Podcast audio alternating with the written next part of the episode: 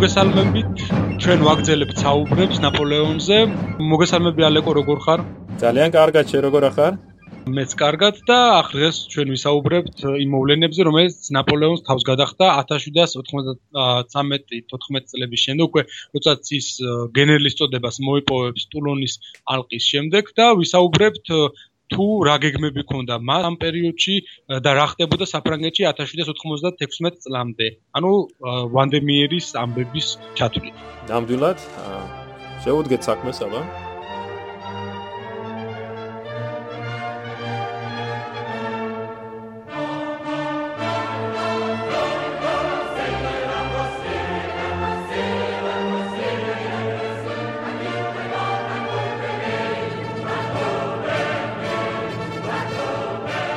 როგორც წინა პოდკასტში ვისაუბრეთ 1793 წლის დეკემბერში ნაპოლეონის დახმარებით, ხომ მისი ინიციატივით, მისი გეგმით რევოლუციონერებმა შეძლეს ქალაქ დულონის ხელში ჩაგდება. ამის შედეგად ნაპოლეონი ხომ დიდების წვერვალზე აღმოჩნდა, გენერლის წოდება მოიპოვა. ბუნებრივია უზომოდ ბედნიერი იყო. თითქოს და მისი ვარსკვლავი გამოფწინდა, მხოლოდ 24 წლის არის. და უკვე გენერალია და ახლად შექმნილ იტალიურ არმიაში გაგზავნეს სანაპირო ციხესიმაგრეების მთავარ ინსპექტორად. ბუნებრივია საქმეში ჩაეფლო ზღვისპირეთის ერთ-ერთ ქალაქიდან მეორეში დაქროდა სიმაგრეებს ამოწმებდა საარტილერიო ბატარეებს აახლებდა მათ აღჭურვილობაზე და მომარაგებაზე ზრუნავდა. სხვა ამ პერიოდიდან გვაქვს შემორჩენილი საკმაოდ ბევრი წერილი რომელიც მან დაწერა და მის ხელქვეითი ერთ-ერთი არის მაიორი ბერლიე და უნდა წაიკითხო რა ეს სისხლს უშრობს არასვენებს ბუდამ რაღაცას ითხოვს და თან აკრიტიკებს ხოლმე რომ აძლევს ხოლმე ესე 24 საათში მომახსენე და როცა არ ახსენებს კრიტიკის ქვეშ ექცევა ეს აცდავი ბერლიე სწორედ ამ პერიოდში თუ რამე თავისუფალ დროს გამონახავდა ნაპოლეონი ცდილობდა ოჯახს აეხმაროს. ნაპოლეონის და სალიჩეთის დახმარებით ჯოზეფმა სამხედრო კომისართან თავი ინტენდანტის ანუ მომარაგების თანამდებობაზე დაინიშნა. ლუსიენს არმიის საწყობების მეთვალყურის ადგილი ერგო. ჰოლო ლუის ადიუტანტად ადიუტანტის წოდება მიენიჭა ნაპოლეონთან ბონაპარტების ოჯახი აღმავლობის გზას დაადგა გარკვეულწილად. ლეტიცია ქალიშვილებთან და უფროს ვაჟთან ჟერომთან ერთად. ნიცასთან ახლოს პატარა დაბა სალეში გადასახდა და იქ სახლიც დაიქირავა. ბონაპარტეს ფარველები ოგუსტენ რობესპერი და კრისტოფორ სალიჩეტი ყველანაირად უწყობდნენ ხელს ახალგაზრდა გენერალს. განსაკუთრებით უმცროსი რობესპერი აქტიურობდა და ამ პერიოდში ნაპოლეონსა და რობესპერს შორის გარკვეულწილად მეგობრობა ჩამოყალიბდა. ნაპოლეონ ბევრს ლაპარაკებოდა კიდევაც რობესპიერს გეგმებს უსახავდა, პროექტებს თავაზობდა. შემორჩენილი არის არაერთი წერილი, როგორც ნაპოლეონსა და რობესპერს შორის, ისევე ოგუსტენ რობესპიერსა და მაქსიმილიან რობესპიერს შორის და იქ აშკარად ჩანს რომ თანდათან ოგუსტენი ნაპოლეონის გავლენის ქვეშ ექცეოდა გარკვეულწილად უსმენდა მის რჩევებს. შემდგომში გენერალი მარმონი რომელიც ამ დროს ახალგაზრდა ოფიცერი არის მარმონი თავის მემუარებში აღნიშნავს კიდევაც რომ ეს ციტატა მას ნაპოლეონს ქონდა განჭრეტის არაჩვეულებრივი უნარი და ამის წყალობით კონვენტის კომისარზე, ანუ რობესპერზე, დიდი გავლენა მოიპოვაო. სამხრეთში მოქმედი არმიების უმოქმედობით და უნარობით შეშფოთებულმა ნაპოლეონმა სამხედრო საბჭოს საომარი მოქმედების საკუთარი გეგმა წარუდგინა. ეს ყველაფერი ხდება 1794 წლის იანვარ-თებერვალში.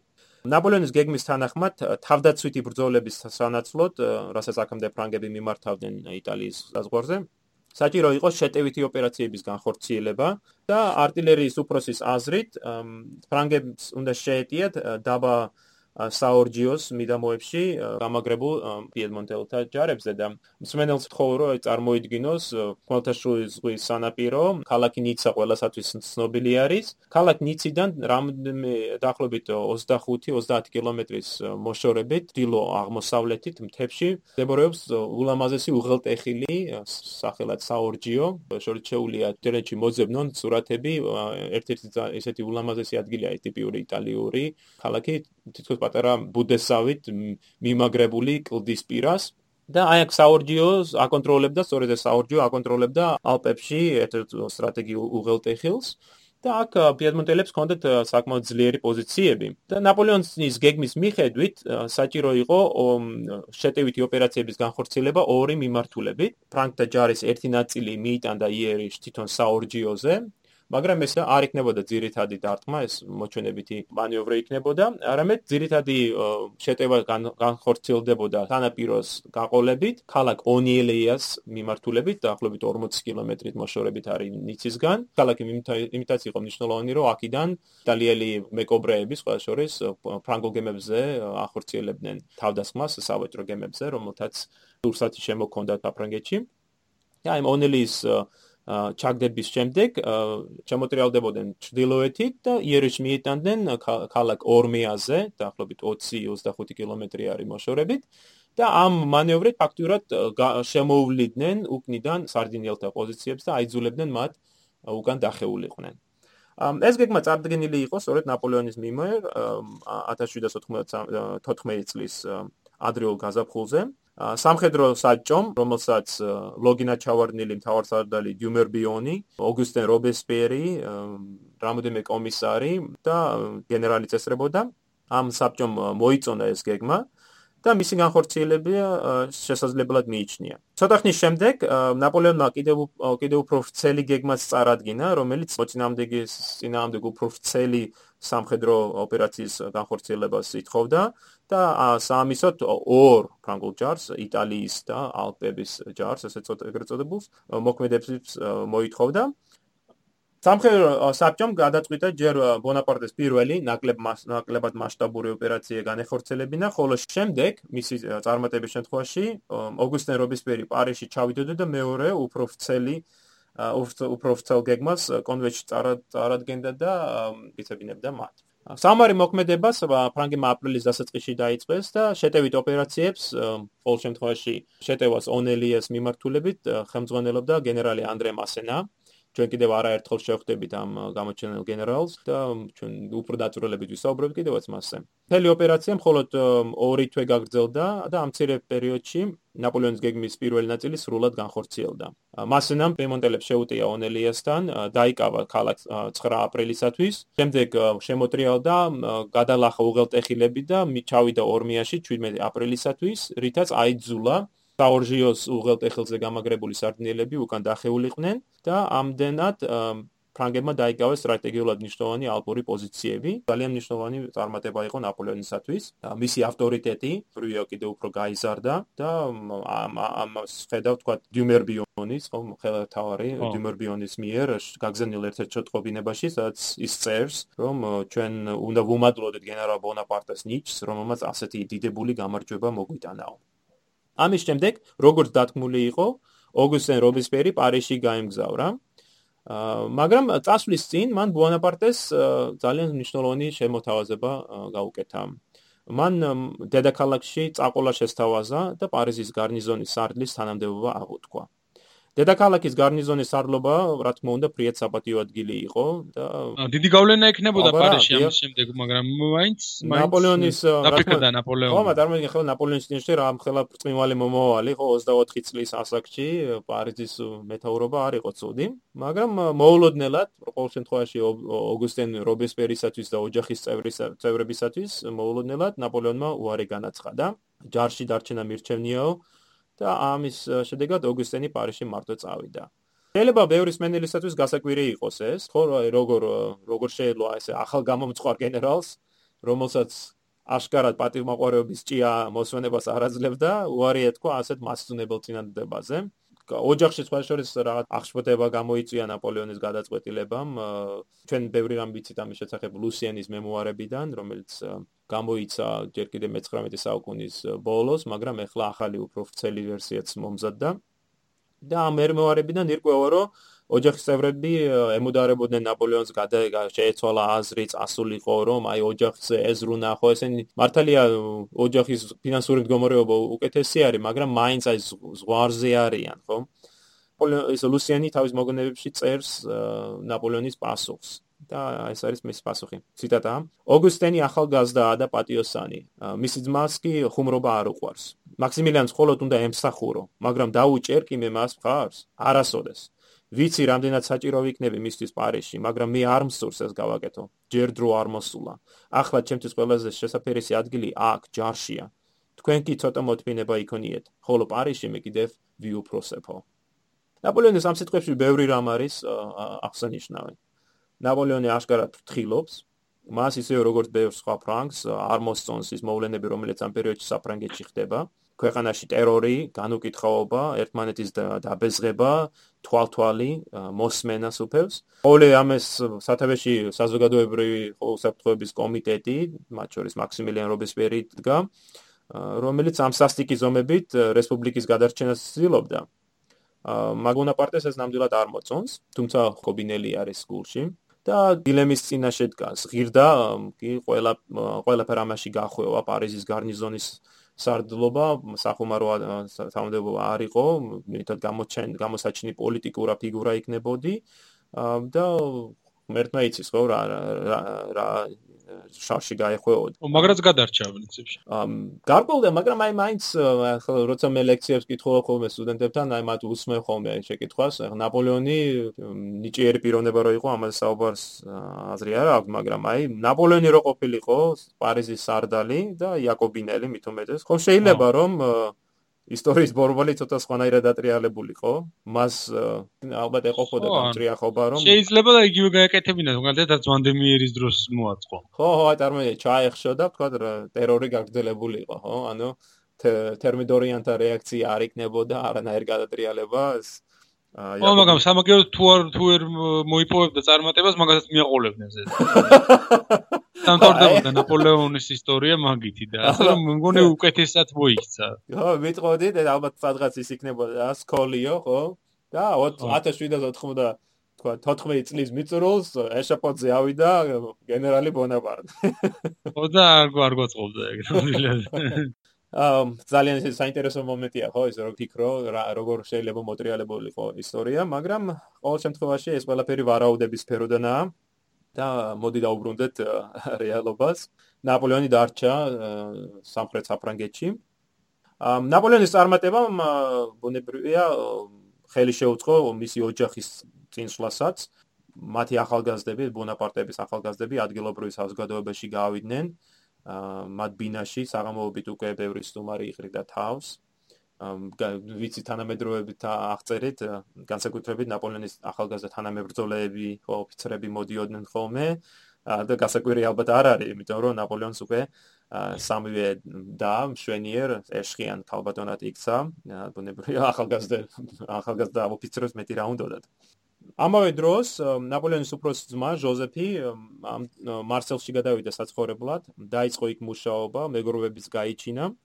ამ უკანასკნელთა შორის იყო ადგილობრივი მდიდარი ვაჭარი კლარი რომ რომელიც საფნით ვაჭრობდა და 1794 წლის მიწურულისათვის ჟოზეფთან დიდ ვალშიც იყო როდესაც კონვენტის კომისრებმა მარსელში ტერორი დაიწყეს 93 წლის მიწურულს 94 დასაწყისში უამრავი ადამიანი დააპატიმრეს და მათ შორის იყო კლარის ვაჟიშვილიც ეტიენ კლარი დააპატიმრება იმ ასეთ არეულ დროს გარკვეულწილად უეჭველ სიკვდილს ნიშნავდა და საწოდა ახალგაზრდას მართალია უდანაშაულო იყო, მაგრამ გადარჩენის იმედი თითქოს და არ ქონდა. სწორედ ამ მომენტში ეტიენის დებმა ორი დაყავდა, ჟული და დეზირე გადაწყვიტეს მისულიყვნენ ჟოზეფთან, ვინაიდან იცოდნენ, რომ ჟოზეფს ძალიან მოწონდა უფროსი ქალიშვილი ეს ჟული. ქალიშვილები მივიდნენ ჟოზეფთან, ძმაზე სიტყვის შეწევნას თხოვეს. ჟოზეფმა ყველაფერი გააკეთა, რათა ეტიენი გაეთავისუფლებინა და ცოტა ხანში მოახერხა კიდეც თავისი ძმის და აი სალიჩეტის დახმარებით. ხადი ამის შემდეგ კლარის ოჯახის კარი მისთვის მუდამ ღია იყო. და ერთხელ ჟოზეფან კლარისთან სტუმრად თავისი ძმა ნაპოლეონის მიიყვანა და ისე მოხდა რომ ამ ორ ძმას და ორ დას შორის ეს რომანი გაჩაღდა. უბრალოდ ძმებს არც უმცროსი ლუსიენი ჩამორჩა, რომელმაც თავის თავის ყველა შორის ბრუტუს ბონაპარტე უწოდა. მან ერთ-ერთ სასტუმროს პრობელთან, პრობელის ქალიშვილთან, ეკატერინე ბოიასთან რომანი გააბა, რითაც თავისი ძმების რისხვა გამოიწვია ნაპოლეონთან კაცრად დატუქსა კიდევაც, მაგრამ ამას არანაირი რეაქცია არ მოყვა ლუსიანმა არ მიაქცია ყურადღება უფრო ძმის კრიტიკას და 19 წლის ასაკში ეკატერინე ბოიე ცოლად მოიყვანა ეს მის პირველი ცოლი იქნება რომელიც განაც 4 შვილი ეყოლება. სამი თვის შემდეგ 94 წლის აპრილში ჯვარი დაიწერა ასევე ჟოზეფმა და ჟული კლარიმ ეს ძალიან მნიშვნელოვანი მომენტია ბონაპარტების ოჯახისათვის რადგანაც ჟული კლარიმ ზითვად მოიტანა 400000-ზე მეტი ფრანკი რითაც ბონაპარტების საოჯახო პრობლემები გარკვეულწილად გადაიჭრა. ამიერიდან ჟოზეფი ყველაზე მდიდარი არის ბონაპარტებს შორის და მას შეუძლია თავის ძმები ძმისათვის ფინანსური მხარდაჭერის გამოჩენა. ნაპოლეონი ჯერჯერობით დიდი საქმეებით იყო დაკავებული და ამიტომ ცოლის თხოვნა მას არ ეჩქარებოდა. თუმცა დეზირესთან რომანს აგრძელებდა. დეზირი ამ დროს მხოლოდ 16 წლის იყო, ნაპოლეონი 25 წლის არის, ხომ? პირველი შეგრძნებები ეს ნაპოლეონის სათფოს თავს ევლება თავის სამხრეთ თავის ცხოვრების ეპიზოდებს უყვება მომავალ პროექტებს უსახავს. საინტერესო ისიც არის რომ ახლა ნაპოლეონზე ვიცით ჩვენ რომ ზოგადად ქალებზე დიდი წარმოდგენის არ იყო. აშკარად ფიქრობდა და არაერთხელ გამოუთქვამს რომ ქალები მამაკაცებზე უფრო ნაკლები არსებები იყვნენ. ახაც ეს ჩანს დეზირესთან მიწერილ წერილებში ეუნება ხოლმე რომ აი ეს ციგნები წაიკითხე. აი ესეთი რაღაცა გააკეთე რაღაც კარნახობს რა ეს ურთიერთობა არ არის თანაც ორთა შორის არამედ არის უფრო ასაკიანი ხო ასაკიანი გენერალ ბონაპარტესა და ემ ახალგაზრდა გოგოს შორის. თქვა ერთ-ერთი წერილი არის საინტერესო რომელშიც ნაპოლეონის საკმაოდ ვრცელი ნაწერილი არის რომელშიც ნაპოლეონი უხსნის დეზირეს როგორ უნდა იმღეროს და ამ წერილიდან იკვეთება რომ ნაპოლეონს საკმაოდ კარგად ჰქონდა გააზრებული თვითონ სიმღერის ტექნიკა, ალბათ ფლობდა კიდევაც, თუმცა არ მახსენდება რანაირ თანამედროვე ეს თქვა მოგონება რომელშიც ახსენები იყოს რომ ნაპოლეონს სიმღერა ემღეროს.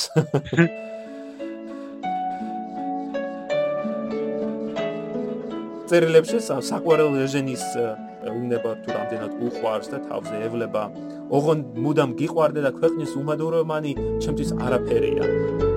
1795 წლის მაისში პარიზისკენ მიმოვალ ნაპოლეონმა არაერთი ხურვალი წერილი დაუწერა დეზირეს. ის აღნიშნავს მაგალითად შენსგან ასე შორს ყოფნის ფიქრიც კი დიდ კილოს მაყენებს. სამოვალო დიდი გეგმებიც აქვს ნაპოლეონს. ერთ წერილში აღნიშნავს რომ მან შეძლო საკმარისი ფული შენახვა რათა ბურგუნდიაში დაბა რანიში პატარა შატო ეყიდა, რის შემდეგ აპირებდა ჯარიდან წამოსულიყო და წყნარი ცხოვრებით ეცხოვრა დეზირესთან ერთად. შატოს რამოდენიმე კოშკი ადგას, რითაც მას არისტოკრატიულ იერს შეძენს აღნიშნავს ნაპოლეონი. მაგრამ თუ მოვანგრებთ ამ კოშკებს, შევძლებთ შატოს ერთ მეტად მომხიბლავ და დიდ სახლად ვაქციოთა. აშკარა იყო, რომ ნაპოლეონი დიდი ნაპოლეონის დიდი გეგმები ჰქონდა დეზირესთან მიმართებით. თავის ძმას გამოუტყდა კიდეც, რომ ახალ მომავალში დაქორწინება სურდა. მაგრამ ამას ყოველივეს დეზირეს ოჯახი წინ აყუდგა. ამ ხრე განსაკუთრებით გოგოს დედა, მადამ კლარი აქტიურობდა. რომ რომლისთვისაც ერთი ბონაპარტესიძე უკვე საკმარისი იყო. ეთყობა მისი ზეგავლენით დეზერემ თანათანობით ზურგი შეაქცია ნაპოლეონს. გადამწყვეტი მომენტი 1795 წლის ივნის-ივლისში მოხდა. 4 ივნის ნაპოლეონი წუწუნებს: "ჩემო ძვირფასო მეგობარო, შენსგან არანაირი წერილი არ მემიღია. როგორ შეგიძლია 11 დღის განმავლობაში არაფერი მომწერო?" 10 დღის შემდეგ ნაპოლეონი თითქოს მიხვდა ყოველივეს. დეზირესთან მიწერილ წერილში ის აღნიშნავს: მე ხვდები რომ შენ მუდამ გეკნება ჩემს მიმართ გნობები მაგრამ ისინი ვერასოდეს გასწდებიან მეგობრობას. ამავე პერიოდში ზოზეფთან გაგზავნილ წერილში ნაპოლეონი არაერთხელ აღნიშნავს რომ უყვარს დეზირე და წუხს რომ გოგოსის არ უყვარს. ერთ-ერთ ასე წერილში აშკარად გულგატეხილი ნაპოლეონი წერს ცხოვრება ერთი უაზრო ოცნებასებაა რომელიც წამში ქრება ივლისის ბოლოსკენ ეთყობა ნაპოლეონმა საბოლოოდ ჩაიქნია ხელი დეზირეზე და მეტად კრიტიკულად წერს უკვე იმ კაცებზე ვინც ქალებზე არიან და გადარეული, მხოლოდ მათზე ფიქრობენ და მხოლოდ მათით და მათთვის ცხოვრობენო. ნაპოლეონმა რო განიცადა დეზირესთან გაშორება აშკარა არის მის წერილებში. არაერთი მკვლევარიც აღნიშნავს, რომ ამ გამოცდილებამ ის ქალებთან დამოკიდებულებაში უფრო ცინიკური გახადა. თვით სიყვარულის მიმართაც სხვა დამოკიდებულება გაუჩნდა. შემდგომში ნაპოლეონი საუბრობს, რომ სიყვარული როგორც ასეთი არ არსებობს. ის მხოლოდ საზოგადოებაში ხელოვნურად შექმნილი გრძნობაა. მაგრამ მაინც დეზირე ალბათ აღსანიშნავია დეზირეს ბედი. ნაპოლეონს არ დაავიწყა ხო დეზირე? ცდილობდა მისთვის მოენახა ესაფერისი საქმრო. თავიდან ჟუნოს სავაზობდა, მერე მარმონს, ორივეზე უარი თქვა დეზირემ და საბოლოოდ დაქორწინდა ბერნადოზე. ყველაზე ნაპოლეონთან დაპირისპირებულ მარშალს. აა მაინც ლადისი არისო ეთყობა. ხო, მაგრამ ეს დაქორწინდა, როდესაც ნაპოლეონი ეგვიპტეში იყო და ნაპოლეონი რო დაბრუნდა უკან, დეზირემ სხვა შორის მიწერა და სთხოვა მოენატლა მათი პირველი შვილი ხო ბერნადოტეს და დეზირეს პირველი შვილი ნაპოლეონის დათანხმდა რომ ნატლია იყო ბერნადოტეს შვილის ნაპოლეონსა და ბერნადოტ შორის ურთიერთობა და ჩვენ კიდე ვისაუბრებ პრინციპში დეზირე ისე ისეთ რამს მიაღწია მაინც შვედეთის დედოფლამდე მივიდა და მან წარმატებული ქორწინება იყო, ხო. ხო, ავიენები იმასაც ხო ამბობდნენ, რომ ყველაფერი ბერნატოდის წარმატება გარკვეულწილად დეზირეს გამო იყო. პერიის მარშლობა, პონტეკორვოს ჰერცოგობა და შენ როგორც ახსენებ, საბოლოოდ 1810 წელს შვედეთის მეფობა ნაპოლეონმა ხელი შეუწყო ამას დეზირეს ხათრით, მაგრამ ამაში მე მე პირად არ მჯერა ამის, მაგრამ ამავე დროს არ შეიძლება რომ თქვა თლად არ გავითვალისწინოთ ეს გარემოება. აი 1815 წლის შემდეგ როგორ სხვანაირად წარიმართა ამ ამ ამ ორ პიროვნებას ნაპოლეონის და დეზირეს ცხოვრება. 1793-14 წლებში, ხო, აი 14 წელს ნაპოლეონი ნამდვილად ვერ წარმოიდგენდა, რომ უბრალო პროვინციული გოგონა შემდგომში შვედეთის და ნორვეგიის დედოფალი გახდება, რომ დადგება დრო და დიდების წეროზე მყოფი ნაპოლეონი ყველაფერს დაკარგავს, იმპერიის გვირგვინს, ოჯახს, მეუღლეს, საყურელ შვილს და შორეულ ატლანტიკაში დაკარგულ კუნძულზე დაასრულებს სიცოცხლეს, ხოლო ამ დროს შვედეთში მისი პირველი სიყვარული კლავ განაგრძობს მეფობას და და მისი ერთ-ერთი ყველაზე დიდი მტერი. აბა, აბა და მაგრამ მასი შთამომავლობა ჯერ კიდევ მართა მეფობს შვედეთში. ხო, შვედეთში კიდევ მართავს ხო პოზიციურ მონარქიის პირობებში. აი, მოდი 94 წელს დაუბრუნდეთ. ივლისში ნაპოლეონის სანგეგებო მისიით იტალიაში გაემგზავრა გენუის რესპუბლიკაში. ოფიციალურად ეს მას ამ რესპუბლიკაში საფრანგეთის სრულუფლებიან წარმომადგენელთან ტილისთან ზოგიერთი მნიშვნელოვანი საკითხი უნდა განეხილა მაგრამ ბუნებრივია ზოგიერთ მნიშვნელოვან საკითხში ეს მის ინსტრუქციებში ესეწერია სინამდვილეში დაზვერვით დავალება უნდა განეხორციელებინა უნდა ენახა ადგილობრივი ციხესიმაგრეები საუნაში გენუაში მათი მიმდებარე ადგილები შეეგროვებინა მონაცემები გენუელთა შეერაღების შესახებ, გაერკვია გენუის ხელმძღვანელობის უახლოესი მიზნები და შეესწავლა თვით ფრანგების მიერ საომავლო სამხედრო ოპერაციების მიზანშეწონილობა. ნაპოლეონი დაბრუნდა საფრანგეთში 1914 წლის 27 ივლისს, რაც მეტად საყურადღებო თარიღი არის. სწორედ ამ დროს 27 ივლისს საპარიში დიდი გადატრიალება ხდება.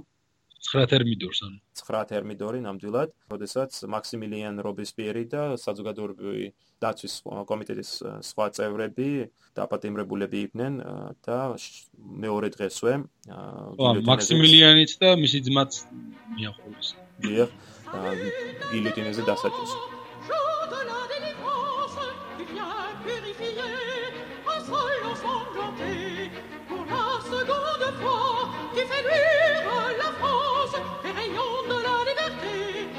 ცხრა თერმიდორის გადატრიალება რადიკალ მაქსიმალისტა იაკობინელთა დიქტატურის და რევოლუციის აღმავლობის ეტაპის დასასრულს ნიშნავდა. ამერიდან საფრანგეთში ძირეული იწლებები იწყებოდა და პირველ რიგში ეს რა თქმა უნდა ხელისუფლებას შეეხო.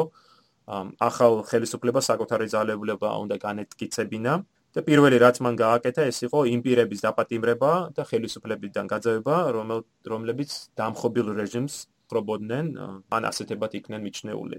ყველა დეპარტამენტში, ქალაქში თუ სამხედრო ნაწილში იაკობინელთა წარმომადგენლების ნაცვლად ახლები დაინიშნენ, რომელსაც მაშინვე ახალი წმენდები წამოიწყეს და წინამთავრობის მომხრების დაპატიმრება და დევნა დაიწყეს. ბონაპარტისათვის ეს კატასტროფის ტოპასი იყო. ხო, იმიტომ რომ ნუ ყველაფერი შეიცვალა ამ რამდენიმე დღეში მისთვის ერთ-ერთი ფავორიტი იყო რობესპიერისა და დიდი გეგმები ქონდა დაწყობილი და ყველაფერი ეს რა თქმა უნდა გაქრა იმისთვის და საეჭო პირად გამოაცხადეს დაიწყეს ასე ვთქვათ ასეთი როგორც ბონაპარტე იყო ასეთ სანდო რობესპიერების სანდო ადამიანების დაკავება და ნიცაში თქმა უნდა იგივე რეაქცია მოყვა იაკობინელების დამხობას. ახალი კომისრები კონვენტის ეს ალბიტი და სალიჩეტი ნუ სალიჩეტი ყოველთვის რჩებოდა ასე თქო დავრობაში. არა საინტერესოა რა სალიჩეტი მაინც რა გაიძვერა ტიპი იყო. ხო, ანუ ყველაფერს მთავრობას მოერგო პრინციპში რევოლუციის შემდეგ, რა ესე გამოვიდა. ხო. არა მაგრამ რევოლუციის შემდეგ ამ სამეფო ხო მეფის დროსაც მსახურობდა. ყოველთვის იყო სალიჩეთი. ხო. და რა რა არის ეს საინტერესო, როდესაც ეს დალინანივით იყო მოკლედ რა. ხო. ამ ფუშე ხო, მეორე ფუშე. ხო. სალიჩეთი როდესაც გაიგო ეს დამხობის ამბავი მიხვდა ხო? ეხლა რომ მასაც დაერეოდნენ და თავი რო გამოეჩინა თვითონ დაიწყო თავისი ყოფილი მეგობრების დაპატიმრება და ნაპოლეონის რიკორის კომისარი რიკორის დაპატიმრება. ხო. ო რიკორ აბა. და ნაპოლეონი როცა დააპატიმრდეს და სალიჩეთი მივარდა მის სახში და საბუთების ჭხრეკა დაიწყო რომ რამე მაკომპრომეტირებული საბუთები რო არ დაჩენილიყო თურათ ნაპოლეონ თავიდან მოიშო რომ თვითო თავის თავი დაეზღვია. ხო, მაგრამ მაინც მაინც ნაპოლეონ დაუდრა სიტუაციას და ბოლო-ბოლო მაინც სალიჩეტიზე ამის გამო არ ქონია აა ბოღმა ჩადებულია. არა, ხო, ნაპოლეონს ის გაუმართლა იმაში რომ თერმიდორიანელები იაკობინელებისგან განსხვავებით თავს არ იწუხებდნენ აი ესეთ პატარ-პატარა ხალხით რა. ეხლა ნაპოლეონი ჩვენ შეიძლება დიდად გვეჩვენოს, მაგრამ იმ დროისათვის მაინც არც არცზე გამოჩენილი პიროვნება იყო, მით უმეტეს პერიფერიაზე არის დაპატიმრებული და ოფიციალური ბრალდება, რაც მას წაუყენეს, სხვადასხვაორის, ის კი არ იყო რომ ოგუსტენ რობესპიერის მეგობარი იყო. არამედ ოფიციალური ბრალდება იყო, რომ მარსელში артиლერიო ბატარეების განლაგება შეცვალა და ბრალდება შეეწერა, რომ ეს საეჭო მოქმედება იყო.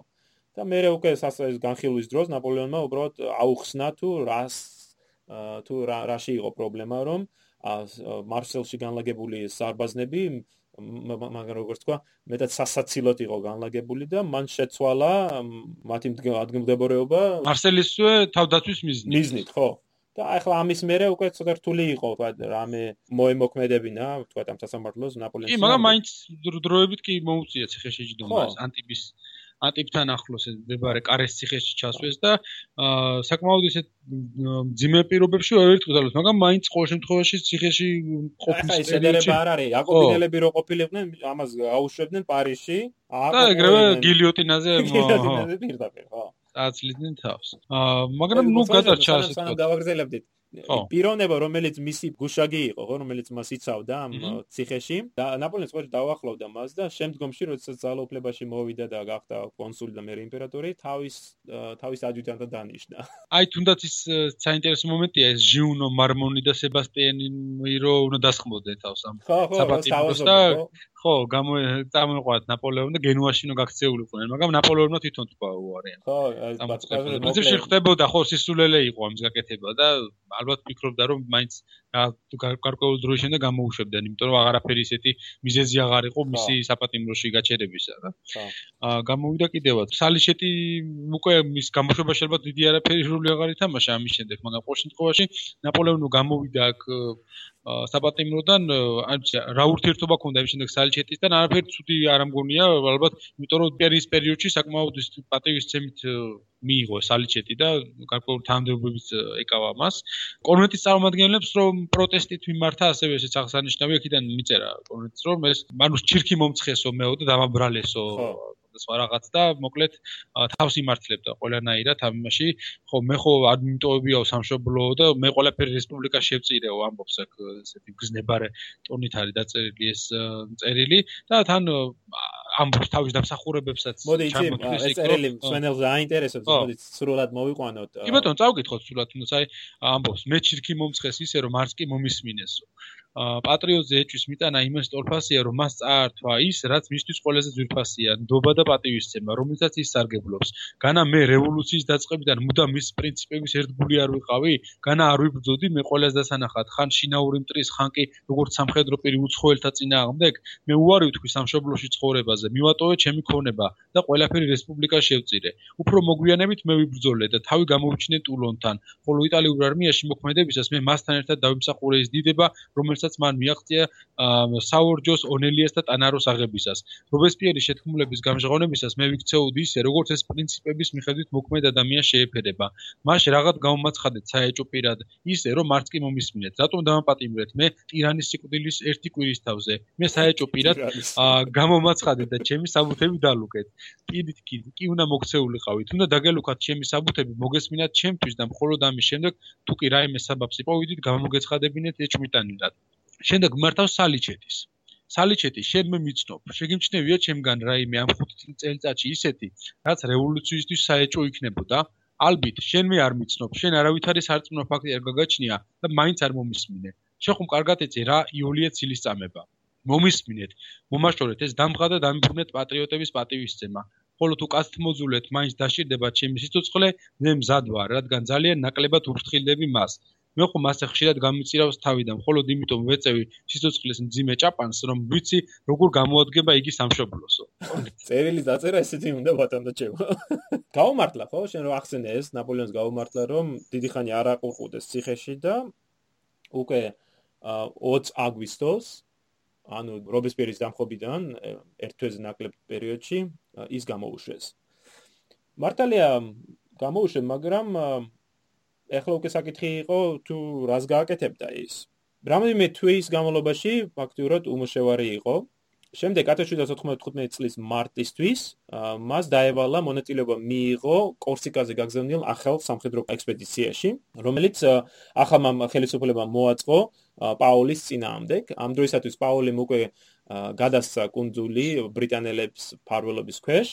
და ფრანგები იმედოვნებდნენ რომ მათი ექსპედიცია რომელიც მოიცავდა 15 სახაზო გემს და ახლობით 17000 ადამიანს 1200-მდე ქვემეხს რომ ამ ექსპედიციის შედეგად შეძლებდნენ კორსიკის დაბრუნებას 3 მარტს კოექსპედიციამ დატოვა მარსელის ნავსაყუდელი და რამოდენიმე დღეში უკან უკან დაბრუნდა კუდამოძუებული, რადგანაც ბრიტანულმა ესკადრონმა მას თავს დაესხო და ზიანი მიაყენა. ნაპოლეონს ამ ექსპედიციაში артиლერიის სტროსობა ევალებოდა, მაგრამ მან ბუნებრივი ვერაფერი ვერ მოახერხა, ხო ეს საზღვაო ბრძოლა იყო. ხო, საზღვაო ბრძოლა. და დაბრუნდა უკან. კლავ ფაქტურად უმუშევარი არის, სხვა შორის თუ შეხედავთ 94 წლის 94-15 წლის რანგირებას, ხო, ყველა ჯარში ოფიცრების რანგირება ხდებოდა. ნაპოლეონი გენერალთა შორის 129-ია რანგირების პრიო. ასე რომ მას წინსვლის საშუალება ცოტა ნაკლებად აქვს. როდესაც იტალიის არმიას ახალი მხედართავარი გენერალი პარტელემი შერერი დაინიშნა, მან სხვაშორის უარი თქვა ნაპოლეონის აყვანაზე артиლერიის უფროსობად, რადგანაც თუ წაიკითხავთ მის პასუხს, ის აღნიშნავს, რომ ნაპოლეონი ინტრიგანი არის და მას პოლიტიკური ინტრიგების გაბმა უყვარსო. ასე რომ კლავ უმოშევარი არის. ხო შეესთავაზეს, თუმცა ვანდიაში შემსამსახურის ვარიანტი ქონდა ქვეითიაში გადასა. გენერალ ხოშტან, ხო, დასავლეთის არმიაში წასულიყო ვანდიაში როელისტთა აჯანყების დასამარცხებლად. როგორი იყო ახლა წადი ახლა ვანდიაში, სადაც 94-დან 98 წლამდე რევოლუციონერები დაახლოებით 300-დან 400-მდე ადამიანს გაჟლიტავენ. ესეთი ყველაზე სასტიკი ომი იყო ამ მთელი რევოლუციური პერიოდის. ნაპოლეონმა უარი თქვა, ხო? ნაპოლეონმა უარი თქვა, იმიტომ რომ პრინციპში ამ მიზეზის გამო თანაც არტილერია უფრო არტილერიის გენერლობა უფრო საპატიო თანამდებობად ითვლებოდა, ანუ ქვეით ჯარში არ მდოდა. ხო, თავიდან კი შესთავაზეს არტილერიის უფროსობა. მოქმედმა სამხედრო მინისტრმა ობრი კი უთხრა, წადიო თავიდან არტილერიის უფროსად, მაგრამ არ მინდაო და შემდეგ უკვე ობრი მუთხრა, მაშინ ხო, უბრალოდ ეს მარმონი წერდაო, რომ ვისაც მაშინ არტილერიაში არ უმსახურია, ვერაზროს გაიგებსო, როგორი ამრაზით უყურებენ ფეხოსან ჯარსო არტილერიის ოფიცრებს. ხო. და ლუსიენი ლუსიენ კი არა, ლუი აღწერს სხვა ერთ-ერთ წერილში, წერს რომ აი ობრის შეთავაზება გადასულიყო ხელქვეით ჯარში. ნაპოლეონისათვის შეურაცხყოფად იქნა. ნაპოლეონმა შეურაცხყოფად მიიჩნია და ამიტომ არჩევნა აა პარიზში უმუშევრად ყოფნას და პერიოდი მარსელში მარსელში წავიდა ამ შემდეგ არა? ცოტა ხო და ხან მარსელში იყო ხან პარიზში. კიდევ კაირო თავის ძმას ჟოზეფს ხომ აი ეს მდიდარი ცოლი ყავს. სწორედ ამ პერიოდში თანამედროვეთა აღწერით ნაპოლეონი გამხდარი ავანტყოფური იერის გაუპარსავი ღარებულად ჩაცმული პიროვნება არის. გენერალს კი არა მოხეტიალე უსახკაროს დაემსგავსაო ამ ამ ხრეს ერთ-ერთ ყველაზე საინტერესო მოგონებები აქვს ლაურა დაბრანტეს შემდგომში გენერალ ჟუნოს მეუღლეს რომელიც აღწერს რომ პოლეონს ეს ზედმეტსახელი ზედმეტ სახელს უწოდებდნენ ჩეკმებიან კატას, რადგანაც ეს ძალიან გამორჩეული ტანსტანი სამოსით იყო წმული და გრძელი თმები, გადაუბანელი და მეტად არასასიამოვნო გარეგნობის. გენერალი ბონაპარტე ამ დროს რამდენიმე პარიზელ მასპინძელთან ცდილობდა მისვლას, დრო და დრო თავის სკოლის ამხანაგებსაც აკითხავდა, მაგრამ ძირითადად ძირითადად ფაქტიურად უმოშევარი და უსაქმური იყო. იაკობინელთა ხელისუფლების დამხობის შემდეგ ან განსაკუთრებული ან არა ისეთი ცვლილებები არ მოუტანია განსაკუთრებულად საგარეო და სამხედრო პოლიტიკაში. ომი ისე გრძელდებოდა, ის დაწყებული ომები რაც დაიწყო იაკობინელების პერიოდში. აა მაშინ ესე ვთქვათ ესეთი გამონათქვამს იყენებდნენ ევროპაშიო რევოლუცია საფრანგეთში დასრულდა და ახლა ევროპაში გადაინაცვლაო. და ეს რევოლუციური გამარჯვება რევოლუციური არმიის გამარჯვებები 1794 წელს განსაკუთრებით აღსანიშნავია, რამდენი ფრონტზე იბრძვის საფრანგეთი, თან ყველაზე წარმატებით იბრძვის, განსაკუთრებით ესპანეთის მიმართულება არის აღსანიშნავი, სადაც ფრანგებმა მთელი რიგი გამარჯვებები მოიპოვეს. უზარმაზარი არ მიეყავდათ ფრანგებს, იმიტომ რომ უკვე ამ პერიოდში მათ მასობრივი გაწევა ჰქონდათ ჯარში გასხოვებით სხვა ევროპული სახელმწიფოებისაგან და საკმაოდ დიდი არანაკლებ მრავალრიცხოვანი ჯარები დაუპირისპირეს ამ მოწინააღმდეგეს მიუხედავად იმისა რომ რამდენიმე ფრონტზე უწევდათ მოქმედება თანაც უკვე გამოჩნდნენ ის გენერლები რომელთაც შეეძლოთ ამ არმიების მეტაურობა კარგად თუნდაც ჟურდანი, პიშეგრიუ, მორო და სხვა ასეთი გენერლები ფრანგმა დაიკავეს ბელგია, ჰოლანდია, რაინის მარცხენა ნაპირზეც გადავიდნენ და მოქმედება საომარი მოქმედებები იქ გადაიტანეს. სამხრეთში კი პირენეები გადალახეს ან ესპანეთის მართულებაზე და ესპანეთის რამდენიმე პროვინციაც დაიკავეს. ნუ კოალიციის ქვეყნების ჯარების ასეთი დამარცხებებმა საგონებელი ჩააგდო ქვეყნების მართველები და საკმაოდ ძნელი საქმე გამოდგა მათთვის საფრანგეთის დამარცხება. თანაც დიდი ხარჯი გაიღეს. პრინციპში თან მარცხდებოდნენ და თან უშედეგოდ გრძელდებოდა ეს ომი და განხეთქილებაც კი დაიწყო მათ შორის და ზოგიერთმა საფრანგეთთან მოლაპარაკებას მიმართა თუნდაც პრუსიამ და ესპანეთმა და საზავო ხელშეკრულების მზადება დაიწყეს. პირველი გამოეთიშა პრუსია ანტიფრანგულ კოალიციას პრუსია განსაკუთრებით შეშფოთებული იყო რუსეთის და ავსტრიის აქტიურობით პოლონეთში და რაც მაშინ იყო თადეუს კოსტიუსკოს გამათავისუფლებელი მოძრაობა. ეს რა თქმა უნდა ეს აჯანყებას წარმატება არ იქნებოდა, იმიტომ რომ ხელა ქვეყნებთან ბრძოლა გაუჭირდებოდა რასაკვირველია, მაგრამ პრუსიას უნდოდა რომ როდესაც პოლონეთს გაინაწილებდნენ ეს ქვეყნები ავსტრია და რუსეთი, თვითონ არ დაჭენ არ დაჭენილიყო цаრიელი და შესაბამისად ახლა ორი ფრონტზე ბრძოლას არჩია საფრანგეთთან ზავი დაედო და რესურსები გამოეყენებინა პოლონეთის მიმართულებაზე.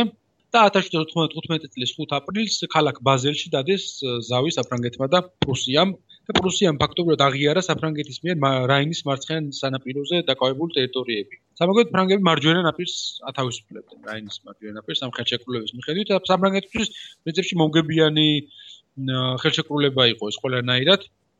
და იქვე ბაზელში დაიდო საფრანგეთსა და ესპანეთს შორის ზავით და ესპანეთმაც დატოვა.